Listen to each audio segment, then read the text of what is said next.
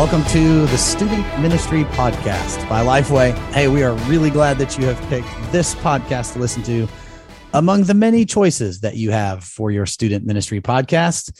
Uh, we are honored to do it and we would love to hear what you think of it. So, if you could take about 30 seconds and leave a rating and review, that really would help us know what you think of the podcast. We really do read those and we make uh, adjustments to our podcast. Let us know what you want us to talk about, and we'll slide that into an upcoming topic.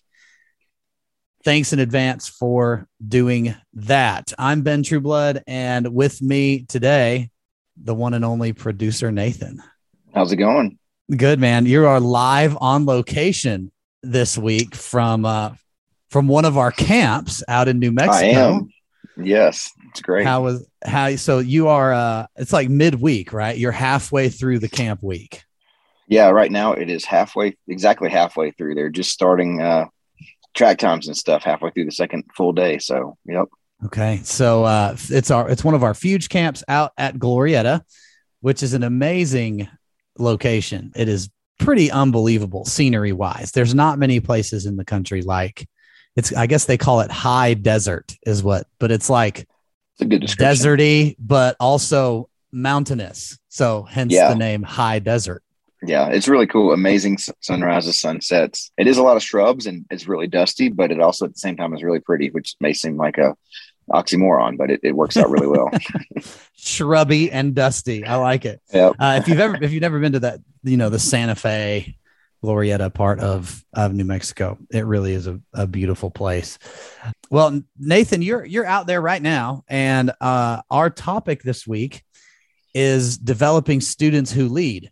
Now, the interesting thing about that is that the way that we do our camps on the Fuge side of things, also on CentriKid and uh, student life, a little bit less so on the student life because of the the way we operate camp over there but on the Fuge side of things, we get to see a lot of college students come in and lead camps. We hire staff that come in and do that. And so we almost get like phase two of students who have been developed as leaders in student ministry and now are in their college years and are now using the leadership foundation that they've had built for them in in middle school and high school. It's an amazing thing. Like certainly there are some who come to know the Lord in college and like dive in and want to do that or don't mm-hmm. express any leadership desire at all until college and then jump in and serve with us. But you have like if pe- people that have listened to the podcast for a long time know you're on our training team. Uh, you've been working on the podcast for several years. And so you're you're a part of of what we do at Lifeway students from the mm-hmm. training team perspective. Um, but maybe most of the listeners don't know that you got your start with us on the camp teams that you yep. directed camp uh, for a few years and and led those teams of college students who are mm-hmm. for the sake of example in phase two of that leadership if phase one of leadership development yep. for them was middle school and high school so i would love to hear you talk about kind of some of the things that you saw in your mm-hmm. staff now, remember, for the listening audience, this is people who are 19, 20 years old, mm-hmm. right? Uh, some are older, but 19, 20 years old who are serving in camp ministry all summer, leading the camps that we put on. So they are fresh out of your student ministries uh, many times. And so, Nathan, I would love to hear from your perspective. You're on site at camp this week. You've directed camp, and mm-hmm. that's how you got your start really with Lifeway students. What are some of the things that you notice about great summer staffers that tell you, oh man, they came from a student ministry that really mm-hmm. cared about developing them as leaders? Yeah, that's a that's a great question. And I've definitely seen a lot of staff come through and the ones that really do shine and stand out are the ones that have been given leadership opportunities through through student ministry whether that was i mean we've had we've had some great what we we so for some of our locations we do like a, a band that, and they're all on staff uh, so we get the worship leader. They kind of help get some some people to come through, and they if they've led in the sense of youth group growing up, you can just really see that in their intentionality with how they lead worship, how they kind of prepare. You you know you can tell that they've had some experience in that. And I think that's one of the biggest things is just experience in leadership. If Bible study track leaders, whenever they come in and they've had experience leading, you can tell because they're they're not as maybe shocked if something doesn't go quite their way, or they're more willing to to plan and prepare and be like, oh man, let me really think through what this looks like to and teach a Bible study. That's a big one. Um, if they've been given opportunities to to teach Bible study, then man, you can see them pouring over their notes, you know, double checking stuff, making sure they've got everything in a row because they've been in that room, they've talked to students before, even if they were talking to other students when they were still a student, maybe that's as a junior, senior, helping lead. Um, especially because even when they get to here, they'll probably be leading sixth, seventh grade. So a lot of the students they would have been speaking, talking to, leading in their student ministry, student ministry leaders. But it really does it really does show when they've been given those opportunities. Because if you think about it leadership really is a lot of a lot of it's about experience. You can talk about it you can talk about a lot of principles which are great and it's good to have those in your mind when you go into it but a lot of leadership is just simply learned through experience. And so if they get experience before they even get here to become a summer staffer then it really does it really does show and kind of help them shine in that in those moments. I like i like the way you phrase that in that it's not just principles because I think it's easy for us in student ministry to, hey, join this leadership team and we're going to walk through these books or we're going to talk about these leadership principles or I'm going to have somebody or multiple people from our church come in and talk through like leaders do this.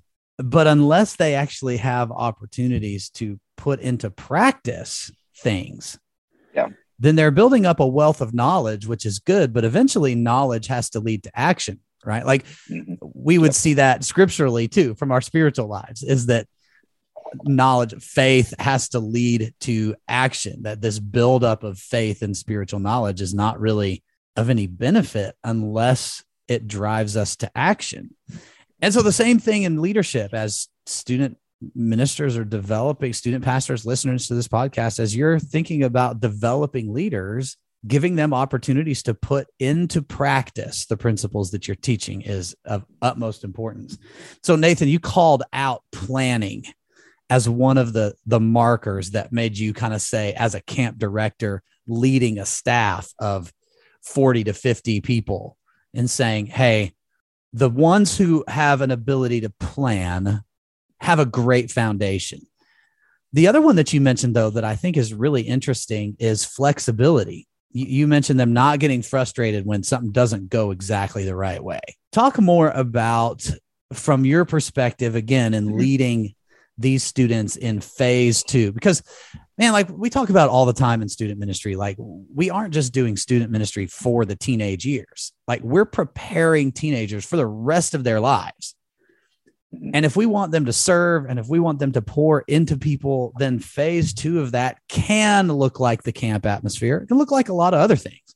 It can yeah, look sure. like the camp atmosphere. And then we want to launch them well into that. This is important to, to see it from this okay, how are college students serving?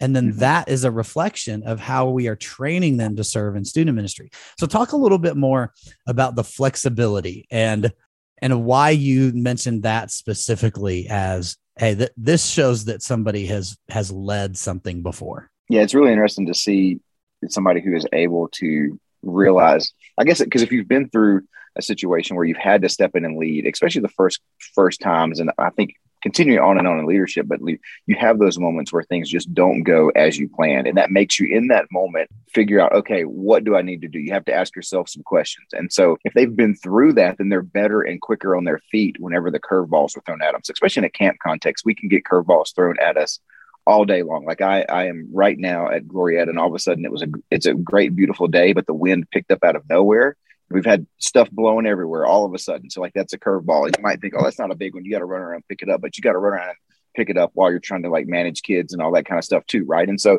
it's just if they've been in situations that help push them and stretch them, then they're able, I think, to formulate those processes where they can start to you know, kind of go through those the procedures in your head of like, okay, what do I need to do next? Um, and it really shows in that again that Bible study context because we've all as student ministry leaders, we've all been in that Bible study. We're teaching it like it's going great. Students are asking great questions, and out of the blue, you know, our I feel like we always pick on the middle schooler, but you know what? Sometimes it is. always leading camp. I always joked about. I always called a kid like Little Johnny. Little Johnny's the kid that will pick up the lawnmower to trim a bush at ministry site, right? And you're like, it's not what we're trying to do, right? oh, just walk gosh. around the corner and it's happening. You're like, no, no, no, this isn't it. You're right. So we all can picture that that maybe middle schooler or that person, but you're going to have those students who just all of a sudden ask. Maybe it's an incredibly deep thought out question, and you've got to be ready for that. Or maybe it's just simply like you know, we may be walking through Moses part in the Red Sea, and he was like, "Do you think like shark fins were sticking out of the water on the walls and like flopping around on the ground?" And you're like, "This came out of nowhere, right?" But we've got to yeah. be ready for those kind of just off the wall questions. So leaders who've had that experience of just being ready for kind of every little curveball that can be thrown at them, like experience really is the great teacher.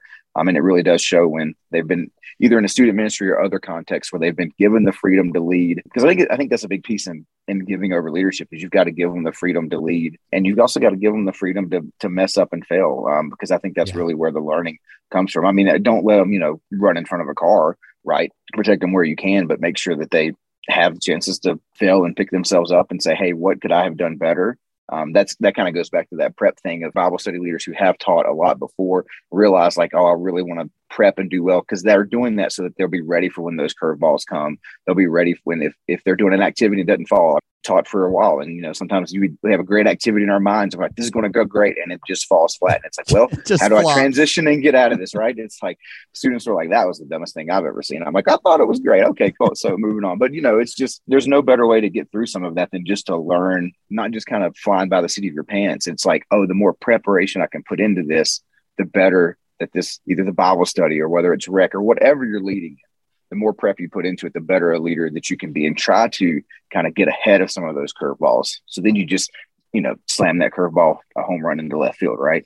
So yeah, exactly. it's it's the flexibility piece of this I think is so important and the learning to fail piece. I am not a person who enjoys failure a whole lot. I don't know that I don't know that anyone enjoys it. Some people are yeah. able to roll with it better than others. I would say I struggle to just roll with it and on to the next thing. But that is a learned skill in how to deal with failure. And you're right. From a Bible study, we've all had Bible studies that have gone well or teaching opportunities that have gone extremely well. And we've all had them that have kind of flopped, not just from a teaching perspective. You know, you also mentioned, hey, I'm at camp, the wind picked up today and blew over a, a shelter and knocked over the speakers for rec, yep. and now the speakers are broken. So what do you do yep. now?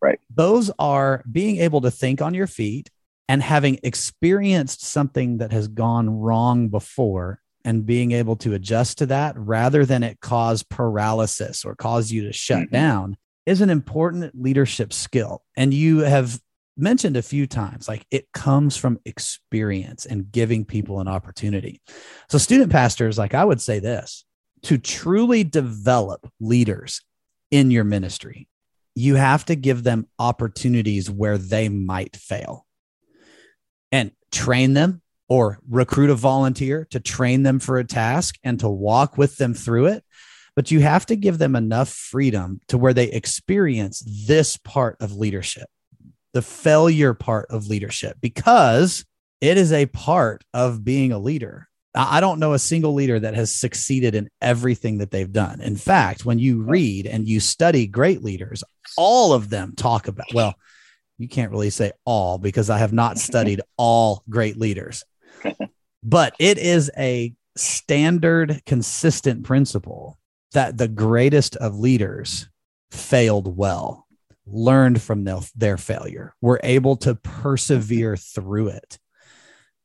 And so, more than never failing, I think the perseverance and flexibility is an important part of leadership. And so, student pastors, that can be scary because when you're developing leaders of teenagers in your ministry, you're giving them part of the ministry to do you are mm-hmm. turning over, you're handing them the keys to part of the ministry, knowing that it may not be as high of a quality of excellence that you would like, and knowing that they might fail at it. That can be a scary thing. And it's the reason why I believe we don't develop teenagers as well as we possibly could is yeah. because we're afraid that it's going to fail and maybe reflect on us, or we're afraid that it's not going to meet some standard that we have in our heads. But that's when I would put the question back to you, student pastors, and just say, is that the short game or the long game? Yeah. The long game says, even if this student fails, I or another volunteer leader that I've trained is I'm going to be there. We are going to be there to help them learn from that failure, learn how to persevere, learn how to be flexible. And that is going to serve them better later in life than this program X going to the way that we think it should by us holding on to everything.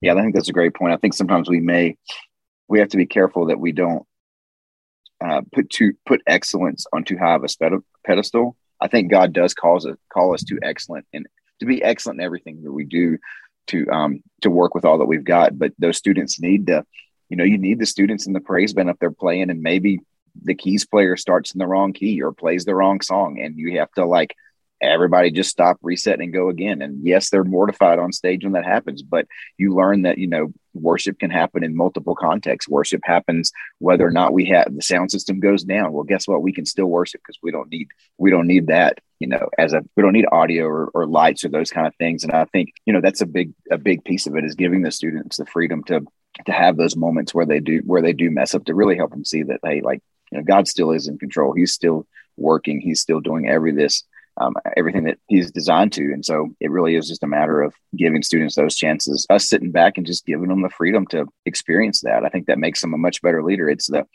you know, hopefully I, I a big part of what I do here for Fuge is I help teach and train, you know, audio engineers, program directors and students who've been, you know, they've gotten the chance to be on a soundboard and mixing in youth group and actually gotten to do it like they come in and you know they're usually a little bit further ahead of other people who are maybe just you know have moved a fader or two. Nothing wrong with that. We'll train everybody. But the only way to learn audio is to sit there and sit there and sit there and to listen and to mix and mix and mix. I can tell you so i'm blue in the face all the principle and theories but until you get on there and do it it's like riding a bike. I can tell you how to ride a bike all day long but until you get on mm-hmm. there and fall over a few times until you get it that's the only way to really learn. So yeah, it's true. And so the other thing that I would say about this is, yeah, you're preparing them for when you choose to develop leaders, choose to help them learn how to fail and give them enough responsibility where they might fail, and all of those things that we've talked about before. You're not just preparing them for phase two of leadership, you're also engaging them in discipleship. Because as you give them opportunities to to to lead and to serve and to, to you're giving them opportunities to find out their gifts to find, you might put somebody that's really interested in the in running audio and they get back there and they realize oh i don't like this.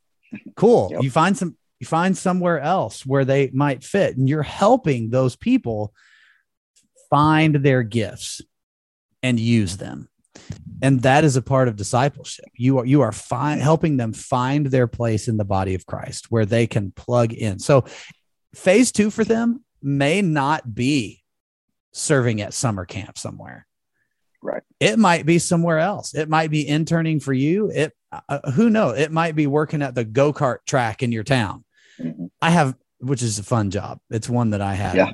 for a little while. Uh, Especially for that F1 go kart track. exactly. we actually had those. The place where I worked had the uh, like the the top of the car, like the shell would lift up, mm. and you'd oh, sit down fun. in it, and then it would close down. Look, they looked kind of like small NASCARs, but mm. I digress. You're helping them in those moments find the places where they can use the gifts that God has given them, and that is discipleship. We also know that that helps them connect to the church long term. And so you're not just developing leaders so that, hey, they're going to be a better leader when they leave here, which is fine. It's the discipleship piece of it that really matters. It's helping them know, okay, God has shaped me this way, and He shaped me this way for a reason so that I, as a part of the body of Christ, can say, man, the church needs me because these are my gifts and I can put them into practice. That way, when they show up on a college campus or the next phase of their life, they know man, the church needs me wherever I am. The body of Christ needs me because I can fulfill this function. And my student ministry helped me learn what that was and helped me learn how to put it into practice. And then piled on the leadership principles and the learning how to fail and learning how to persevere and all of those things with it. And so, student pastors, I, I want you to, to hear that this is not just leadership development, that leadership development is actually a part of discipleship. Hey, thanks for listening today. This has been another episode of the Student Ministry Podcast by Lifeway. We'll see you next time.